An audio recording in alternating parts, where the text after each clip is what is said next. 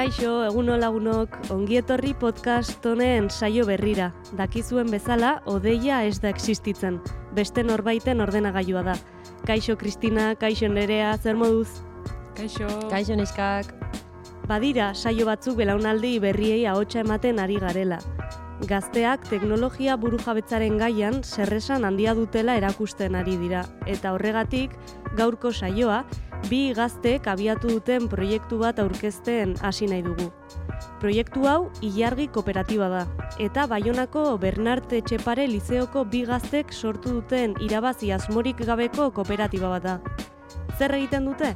Ba, elkartenetek berreskuratutako ordenagailuak sehaskako lehen mailako aurrei eskaintzen dizkiete. Fedibertsoko mastodon.eus eta pixelfit.eus komunitatetan argitaratu duten bezala, kooperatiba hau mundu hobe bat eraikitzeko jaio da. Aztarna ekologikoa eta soziala murriztuz eta software librea bultzatuz. Ilargi kooperatibako sortzaile diren garazi eta aliorekin egon gara eta zuekin partekatu nahi dugu. Biak Baionako Bernard Etxepare Lizeotik datoz eta merkataritzako lan eziketako ikasleak dira. Ba, lehenik iaz, lehen urtean eginen horretara, horretuko kooperatiba em, bisitatzera eta kooperatiba horretatik inspiratu gara. Be, sartzen dugun erakundearen jabeak eh, izan nahi dugu. Eh, kudeak eta gardena eraman, eh, aberastasunaren banaketa egokia egin eta tokiko eragileekin sarea eraiki nahi dugu. Elkartenetek amaika ordenagailu eman dizkie. Ordenagailu horiek mila euroko kostua dute eta hoiekin zer egingo duten ere azaldu digute. Amaik ordenagailuekin eh, elkartenet eh, berreskuratutako ordenagailuak lehen mailako ikastola batean eta ege urratzen saltzea da gure gure helburua. Bi gazteek kooperatiba bat sortzeak harridura sor dezake. Horregatik, euren esperientzia esagutzea oso inspiratzailea izan da. Ba, guretzat esperientzia berri eta polit bat izaten ari da. Eta asko, gutza, asko gustatzen ari zaiguna, zeren ondarindik ez dugu bukatu, oraindik lana dugu egiteko. Eta batez ere ezagutu izan ditugunekin lan egitea maite dugu ba, kontaktuan ez ere garra e, jendeekin, egin dugu, eta hori, ba, bigarrenak, bigarrenekin ere lan egin dugu,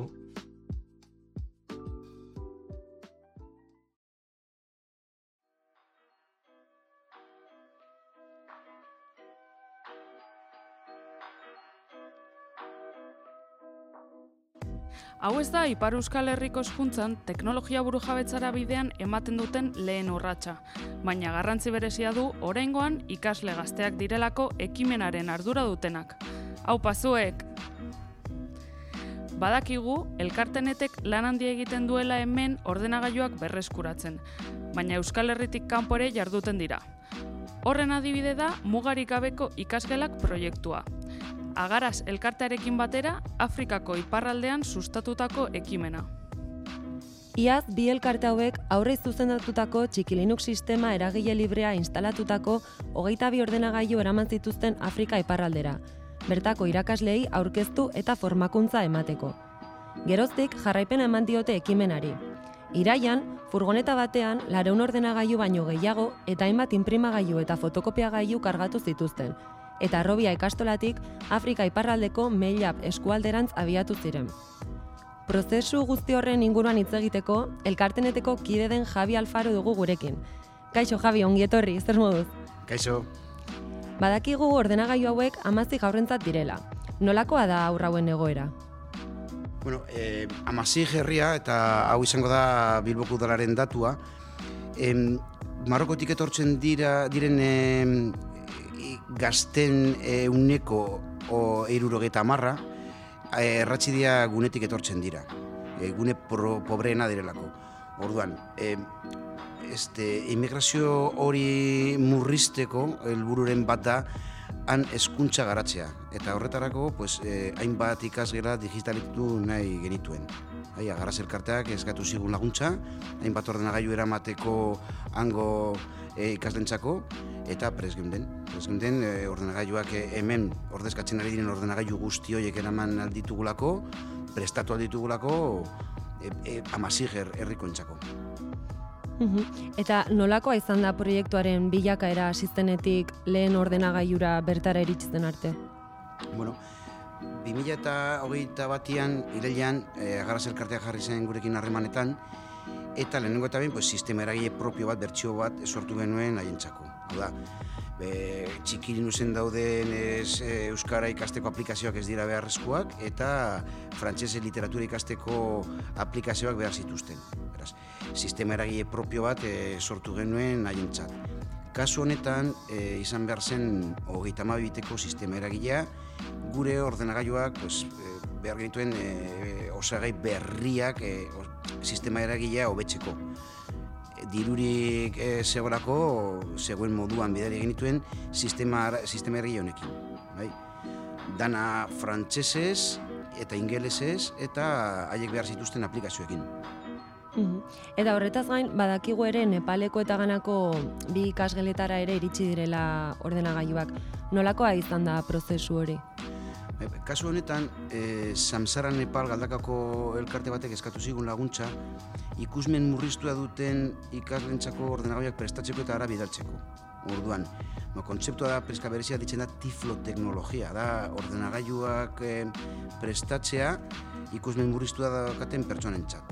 Orduan, e, erosi genituen, e, braille pegatinak, teklatuak braille izateko, bestela 2000 euro kostatzen dira teklatu bakoitzak, lortu genituen berrogei eurotan, eta gure bajan emandako Toshiba satelite hauetan, ez, e, instalatu genuen begion, e, begion beta bertsioa, da, ikasi, ikasi aztertu genuen, aber, ze aukerak ematen digun e, Linuxek ikusmen murriztua duten ikaslentzat, horrekin prestatu genuen bertsio berezi bat eta begion izango da. Gaur egun e, beta beta bertsio bat da, uh landu behar dugu oraingoz, baina pues, badago eta han bertan badago zerbitzu ematen eta primeran gainera, osea, ikusi genituen nola hango ikasleek egiten zituzten etxarako lanak gure LibreOfficeekin eta gure Toshiba satelite ordenagailuetan eta perfecto. Superposiket bidaliko ditugu datorren astean ez e, bi aste barru beste bi ordenagailu bidaliko ditugu, baina kasu honetan izango dira e, hango ikaslentzako, irakaslentzako barkatu. Mhm. polita. Eta, bueno, zuen hasierako helburua zen amazik aurrentzat amabigela informatiko hornitzea eta arazo burokratikoak medio lortu zenuten. Orain zein esango zenuke dela aurrengo pausua? Bai, e, pasaten irailean hori, beste lagun batekin, e, Bizkaiko eta Gipuzkoako lagatutako laurun tapiko ordenagailu eraman genituen eta osakidetza lagatutako beste hogei ordenagailu. Bai? Eta impresorak eta denetarik. Horrekin el, bukatu genuen lehenengo fasea. Bai? Baina el lehenengo fasearen barruan zeben eh, hango irakaslentzako formakuntza ematea. Beraz, gaur egun gure lankide batek Mohamed Sadi e, erratxidean dau, hango irakasli formakuntza emoten, eta ikate struktura bat, e, egitura bat sortzen, gero formakuntza hori online bilbotik online jarratzeko. Hori da izango da pausua. Eta, mhm. kasu honetan, aurkeztu dugu, e, amazir, txikinuz, amazir e, bat puntu zero, be, bigarren bertsioa. Honek, eta dana posiblea, bada garatuko dugu aurten, 2000 eta honek izango ditu aukera e, tamasi hizkuntzan idazteko aukera, esan emango ditu, bai. Hango irakasleek, bera, ikaslei erakusteko euska, este, tamasi, euskaraz, tamasi irakurtzen eta idazten.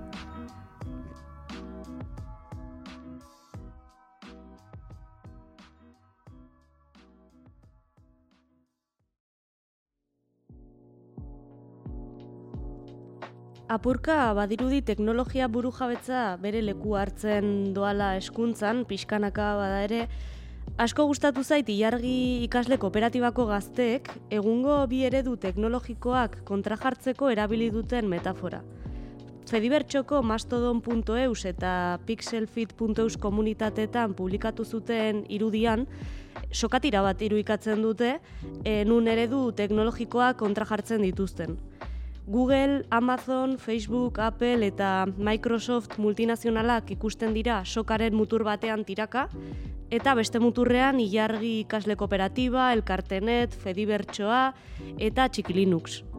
Eta noski, sokaren bi aldeetan paisaia erabat ezberdina da. Mutur batean kutsadura, suntxipena, iluntasuna, beste aldean berriz, natura, argia, esperantza ikusten dira ez. Azkenean, proiektu hauek alternatibak erakusten dizkigute, aukerak, horregatik e, Javi, mugarik gabeko ikasgelak proiektuaren inguruan gehiago ezagutu nahi dugu.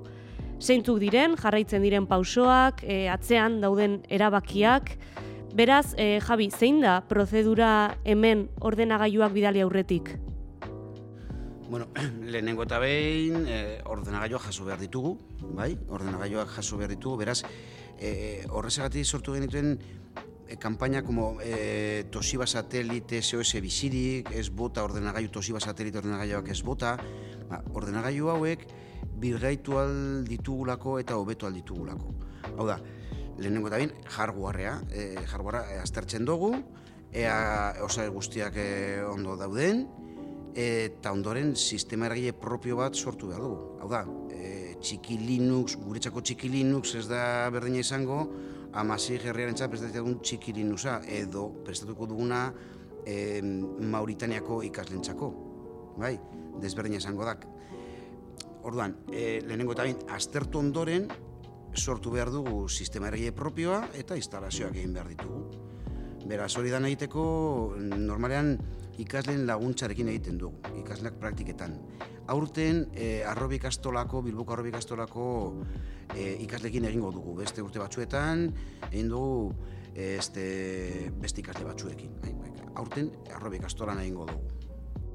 Eta normalean ordenagailu hauek nungoak izaten dira? Ordenagailuak etortzen dira gehienetan Bizkaiko eta Gipuzkoako ikastetxetatik bai? Gipuzkoako eta Bizkaiko ikastetxetatik. Eta beste batzuk, osakidetzak eh, lagatuak edo enpresa pribatuak lagatuak. Bai? Denetari. Mhm. Eta gutxi gora bera, gai izango zinatek esateko zen denbora behar izaten duzuen ordenagailu bat eh, eguneratzeko? Ordenagailu bat, e, bueno, er, zerbitzari bat daukagu, erraminta handi bat daukagu, aldi berean egin bat e, instalazio egiteko. Mhm. Beraz, egin ondoren makina bat, makina batekin egiten dugu. Bai, banan-banan egiten badugu pendri batekin, izan aldira, hogei minutu, hogeita bost minutu, horren gai bana. Baina gure zerbitzarekin egin aldugu, pues, e, ordu batean, emakina zazu, pues, hogeita bost, e, hogeita mar. Mak, makina batekin, eh? bat makina prestatzen baditugu, aldi berean hain bat izango ditugu. bai? Eta ordenagailuak behin bertara bidaltzen direnean, e, bertan zer egiten da hoiekin? Bueno, este, banatzen dira, karo, hango badago beste elkarte bat, bai. Hemendik bidaltzen dira ordenagailu guztiak, hasieran Margoko e, gobernuak esan zigun egin behar dugula e, elkartetik elkartera. Beraz, pues, guk e, lagatzen dugu ordenagailuak beste elkarte bati audim deitzen da. Hango irakasleen e, elkartea. Baina ero esan zigun, e, udalak baseukan e, paperak eta dan ai jasotzeko ordenagailuak, eraz, ai, ei, lagatu behar gero, hango erakundei lagatu genituen ordenagailu guztiak. Hango udalak, e, melabeko udalak, badauka akordio bate audimekin, eta audimek manatu ditu ordenagailu guztiak, eta prestatu ditu ikasgela guztiak, elektrifikatu egin ditu ikasgela guztiak, e, gitxienez e, kaskola bakoitzean e, gela bat elektrifikatuta bat izan behar da, eta haien bidez egiten dugu, beraz, elkartetik elkartera, baina e, hango udalaren laguntzarekin, adibidez, pertsona bat kontratatu egin dute, e, IKT ardura duna izateko, hango IKT ardura da eta ardura guztien e, ardura duna izateko. E, gure Mohamed Sadirekin harremanetan egoteko, gero formakuntzak emateko ikastetxe guztietan Gauza ez da, eramango ditu ordenagailuak eta hor konpon Mari Anton. Que ba, ez, eh, just, justo revés. Da, eh, eramango ditu ordenagailuak, eramango dugu formakuntza, nola erabiltzen dugun guk, nola eta ero zarantza sortzen badira, pues, azteko bilerak izango ditugu, online bilerak izango ditugu bereiekin, gauza konpontzeko, da materiala sortzeko, edo berden guztia konpontzeko. Mhm. Eta zergatik erabakitzen da bidalitako ordenagailu horiek software librekoak izatea? Hombre, pues, software libreak, lehenengo eta bain, software libreak emango ematen digulako eh, aukera, ba, dirurik badaukagu dirurik ez badaukagu, eh, ordenagailu ba, esan izan aldugu eta interneten izan algara, bai? eta interneten bidez eh, banatzen diren e, ezagutza guztiak pues, pues gure eskun izateko. Eta gainera ematen digu aukera moldatu aldugu sistema eragilea eta prestatu aldugu sistema eragilea hango komunitatek behar duten beharrekin. Bai, gure sistema eragile propioa eta hango, han, haiek izango dira sistema eragile horien jabeak eta ez e, kanpoko enpresa bat. Hori izan behar da helburua. Eta haiek izatea gai de e, errep guk bergaituko ditugu ordenagailuak, jasoko ditugu ordenagailuak bai Euskal Herritik edo bai e, beste leku batetik. Eta gu birgaituko ditugu ordenagailuak. Eta han sortu behar dugu tailerrak haiek birgaitzeko eta egiteko lana. Bai, ez da, e, historia ez da, e, ez dugu e, izango Windowsen menpe, baina bai beste baten menpe, ez. Haiek libreak izan behar dira.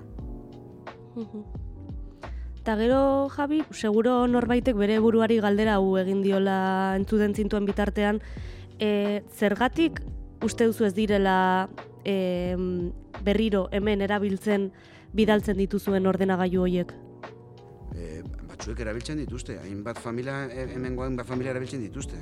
Bai, guk e, formakuntzak ematen ditu, familientzako formakuntzak ematen ditugu, eta eskatzen ditugu ordenagailu hauek miribilan hainbat ordenagailu bilbon pi ordenagailu pilo bat saldu ditugu familiei. Uran, karo, nire ustez, birgaitu alditugu ordenagailu guzti horiek, eta lehenengo eta behin e, ikastetxeko familiei izkaini.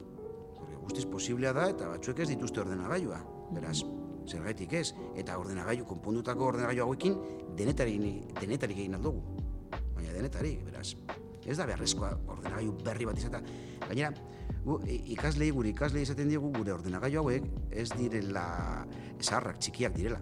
Osea, hau da, e, gure anai arrebei txikiak eratzen zaizkien jantziak bezala, bai? bai. Guretzak guztitza produza direla, pues hau esa, bera, institutan txikiak geratzen diren ordenagailuak lehenengo eskuntzan teknologiara kompetentzia lan egiteko perfecto dira. Mm. Beraz, eta familientzako.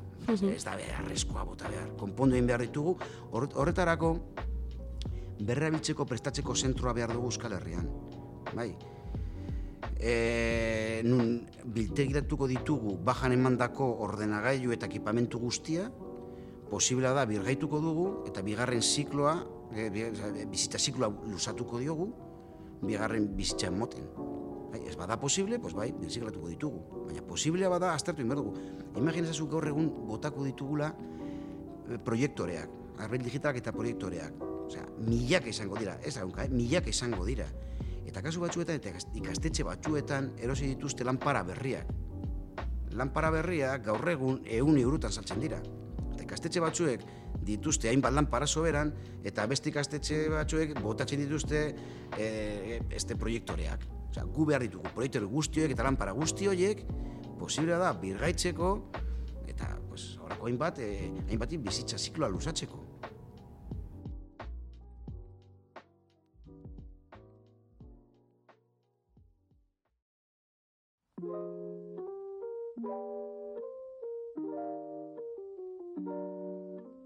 Bueno, ba, onen arira pixka bat eta Javi agurtu baino lehen, nik orain aztarna digitalaren inguruko challenge bat proposatzen dizuet iruei eta, bueno, noski entzuten gaituzunen ere.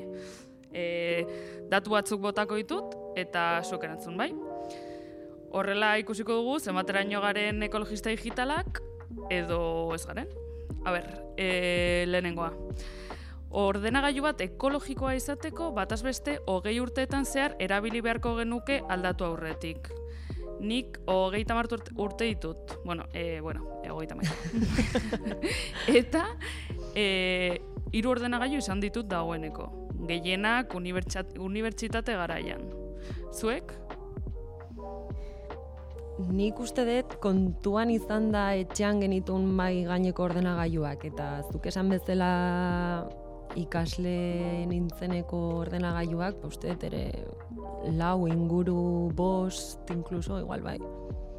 Nik goratzet etxean bat geneukala, maik ordenagailu handi bat, gero etxean beste bi izan ditugu, aizpak bat eta beste bat nik, ba, klasean bueno, e, ibili aseginan ikasten taola, gero unibertsitatean nik uste beste bat eukinula, hori oraindik mantentzen dut, baino zakit baten bat utzieten, baino hiru edo lau, seguro. Osak guk ez dugu, ez dugu betetzen, ez? Zuk, Javi, ze uste duzu? Zenbat, zenbat ordenagailu izan dituzu zuk bizitzan? Pues ez dakit, baina guztiak izan dira bigarren eskukoak. Adibidez, hemen aurrean dagoena Hortuako Institutuan hartu nuen zakarrontzian. Aldatu nuen eh, disko gogorra, ram gehiago gehitu, eta hemen dago klaseak ematen, eh, ematen ditugunekin, osake, super ondo. bueno, logikoa denez, pues igual Javi izan bar zen gu hiruen arteko, gu laun, lauen arteko ekologistena, ez? bueno, venga, ba, urrengoa. E, une honetan munduan, ama 6 mila milioi mugikor inguru daude. Herrialdean arteko diferentziak handiak badira ere, batez beste bi gailu egokitzen zaizkigu pertsona bakoitzeko. Zuek zenbat e, dituzue? Ba, bi, azkenean pertsonala eta eta laneko mugikorra. Nik berdina, pertsonala eta lanekoa. Bai, ni ere. Osea, hau, hau betetzen dugu. Zu, Javi? E, pu, telefono bakarra, bi telefono zenbaki ditu barrun, baina telefono bakarra. Bueno, ongi, hori da beste, Guk beste aukera bat. Bale, eta hau ja, osea, niretzat da, da onena. Europako ingurumen bulegoaren 2019ko txosten baten arabera, beroketa globalean duten eragina kontuna, kontuan hartuz, mugikorrek gutxien gutxienez hogeita bost urte iraun behar lukete. Gogorra ez da? Nik kontatu ditut eta gutxi gora bera bost edo sei mugikor erosi ditut bizitzan. Gehiago izan ditut, baina batzutan bigarren eskukoak izan dira edo aitzpak emandakoak. Nik, haber, lehenengo aukinun, zagitzen bat urterekin, baino oso oso gaztean nintzen. E, gero, eske zenbatu behar ditut nik ere, baino nik uste lau euki ditu da, egia da etxean ere igual egin degula gure artean birtziklatu mobilak taula, baina, zer, lau, bost esango nuke? Eski igual gehiore bai, eh? Osa, zuk pentsa, oso gazte zer da, bederatzi urterekin ja ematen dizutela zure lehenengo mugikorra. Nik nire lehenengo mu- mugikorra jaunartzea egin nunean Baina bantziaten. bederatzi urte. Bederatzi urterekin. Eta gero ere gaur egun, kesi, pantalla utzi zaiola eta oso azkar aldatzen ditugu mobilak, edo galtzen ditugu, edo nera bezaroan parrandan lapurtu digut, edo galdu dugu, ja beste bat erosten dezu zuzenean, albaldin bada zenuna baina hobea, eta... Osea, nik ez dut inorre ezagutzen e, bere mugikorra hogeita, bot, hogeita bost urtez izan duena. Homez, eski ukiko zuen gainea, pues, Baina, Nokia... egin aldugu gauzat, eh? Nik uste dut bi mugikor izan ditu dala. Baina nire azken mugikorrek nire masterrena gaur egun daude basamortuan. Bai, pues formatetu egin genituen, eta bidali ditugu basamortura.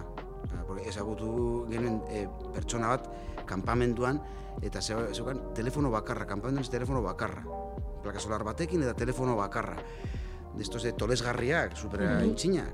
Eta ara bidali genituen, gure erosi genituen guretzako bi mobil berri pasaren urtean, eta gure mobil zaharrakan daude gaur egun lanean. Bueno, horrela bai. Bai. Bai. bai, bai, Ez bai. dakite, hogeita bost urte ez dute irango du- dutenik, baina beste bi hiru lau urte, bai, seguro baietz. Bueno, gure erantzunak ikusita ez dakit ba oso ekologistak garen alor digitalean, baina lasai, beti ez da gure errua, ze kasu gehienetan zaharkitze programatua dago horren atzean. Eta, bueno, aztarna ekologikoaren arira, eh, esaiguzu, Javi, nola uste duzu kontzientziatu genezakela gizartea gailu digitalek suposatzen duten aztarna digitalaren inguruan? A ber, a ber. Ez egon prestauta, ber, repikatu galdera, Bai, mesedez. noski. Ea, nola uste dezun kontzientziatu genezakela gizartea Bai. gaiu digitalek suposatzen duten aztarna digitalaren inguruan. Vale. A ber, berrerabilpenari buruz eitzen behar dugu. Horan, lehenengo eta bain gure erakundeek izan behar dira e, produktu digitalen be, hornitzaileen eta bezeroak. Hau da, gure eredua izan behar dira. Eso es, es, eh, gure herriaren eredua izan behar dira, beraz. Gure ikusten badugu gure erakundeek ez dituztela botatzen zuzenean sakarrontzira edo birziklatzera produ- produktuak. Bai, bigarren ziklo, oza, bi, bi, bi, bigarren bizitza, bigarren zikloa, bizitza zikloa luzatzen ditugu dituztela, eta haiek bebai erosten dutela, bai, produktu, berreokitako produktuak. Ordan, guztiz posiblea da, produktui gauzak bizitza zikloa luzatzea, haiek izan behar dira e, gure ereduak, bai, gu gauza bera egiteko edo herriak gauza bera egiteko. Bai, esan dudan. Bai, azkenean kasu guztietan bezala, eredu baldin badira beraiek, ba, herriak ere jarraituko du. Hori gertatzen ari da, Bi- Bilboko udaletxeak 2005 ordenagailuak e, ordezkatuko ditu. Bai? Bueno, claro, 2005 ordenagailu eta gainera dira ibos, hortxigaren beraundikoak, osea, perfektuak, bizita zikloa luzatzeko. Claro, gure biztanlek ikusten badute Bilboko udalak birgaitzen dituztera hainbat ordenagailu, beste hainbat berri ez erosteko, eta gero, osea, behin betiko baja eman ondoren, e, bideratzen baditugu elkarte bati edo lan, nazioarteko lankidetza proiektu bati edo familia bati, pues, kontxo, guztiz posible eta egun kauza berak egin ditugu. Bai, bai, bai. Eta zuek e, elkarteneten aurrera begira baduzue orain beste proiekturen bat buruan? Guztiz berria edo... Bale, a ber, aurten, aurten, bueno, be, berrebeltzeko prestatzeko zentroa sortu nahi dugu Euskal Herrian. Pentsatzen dugulako guztiz e, beharrezkoa dela. Euskal Herrian badago bat, eh? Nafarroan daukagu e, traperos de Maus, Nafarroa, primeran egiten duten lan, Europako eredua izan, izan aldira. Osea, ikusteko, ikusten badugu nola egiten den ondo gauzak, be Nafarroa begiratu behar dugu. Gu egon ginen bai Madrilen, bai e, Bartzelonan, ikusten nola beste erakunde batzuetan nola egiten duten e, berrera bilpena, bai? Bueno, pues, Nafarroan dago gure eredua. Dago super ondo, nola egiten duten lan. Orduan, berrebiltzeko prestatzeko zentroa bultzatu nahi dugu Euskal Herrian, bai? Gitxienez e, produktu teknologikoak berreskuratzeko. Eta beste aldetik, e, mugari gabeko ikasgelak bigarren fasea garatu nahi dugu. Aurten, e, hobetu nahi ditugu pasaden urtean erratxidera bidali genituen e, ordenagailuak, Bilboko udaleko diskoak e, prestatuko ditugu sistema berri, eragile berri batekin eta hango ordenagailuak berriro birgaituko ditugu. Eta gero bebai, e, lauinen, El Saharan eta Noaktxuten Mauritanean eskatu digute laguntza, gauza bera egiteko. Ordan, posiblea bada, porque badaukagu ordenagailuak, badaukagu langileak, badaukagu ikasleak lan egiteko, behar dugu dirua, eh, produktuak bidaltzeko eta formatzaileak eh, bidaltzeko hango irakaslentzako formakuntza emoteko. Baina gustatuko letxetak pasaden, osea, datorren irailean ara joatea. Lehen Javi, aipatu jazu, e, bueno, webgunea, e, gustatuko leitzake esatea, ez? E, nun aurkitu dezakegu gehiago e, mugari gabeko ikast, e, bueno, e, gelen inguruan, e, Bai. webgunea aipatu zu pixkat, e, lehen aipatu jazun hori mesedez. Bai, e, aulasinfronteras.org, hori da webgunea. Vale. Orduan, e, martxoan, arrobea ikastolako marketingeko ikasleekin, moldatuko dugu, e, beste webgune berri bat sortuko dugu, domeinu horretan, bai? Bigarren fasea, hau Lasin Fronteras 2000 eta gai, bigarren fasea, azaltzeko, garatzeko, eta gero beste, be bai, e, beste arrobi ikastolako beste lau ikasle gurekin egingo dute lan, ordenagailu guztiak birgaitzeko, beraz, ikasle egongo dira gurekin praktiketan, ordenagailu guzti horiek martxan jartzeko. Eta norbaitek etxean Toshiba satelite bat baldin badauka eta ez badu erabiltzen, nora zuzendu behar da. elkartenet arroba elkartenet.eus en daukazue gure emaia eta elkartenet.eus da gure webgunean daukazue gure denda, proiektuak, sistema eragilea nahi baduzue, txikilinu sistema eragilea nahi baduzue, e, elkartenet.eus webgunean dau da, hortik deskargatu alduzue, daukazue e, bideo tutorialak, hainbat hizkuntzatan, behar duzuen guztia. Oso ondo, ba, ea jendea animatzen den. Bueno, ba, guzti honekin onaino gure gaurko saioa, mila esker jabi gurera etortzagatik, plazer bat izan da. Espero dugu zuen proiektu guztiek arrakasta izaten jarraitzea. Eta zuei gure entzunlei urrengo saiora arte. Eskerrik asko. Agur. Eskerrik asko. Agur.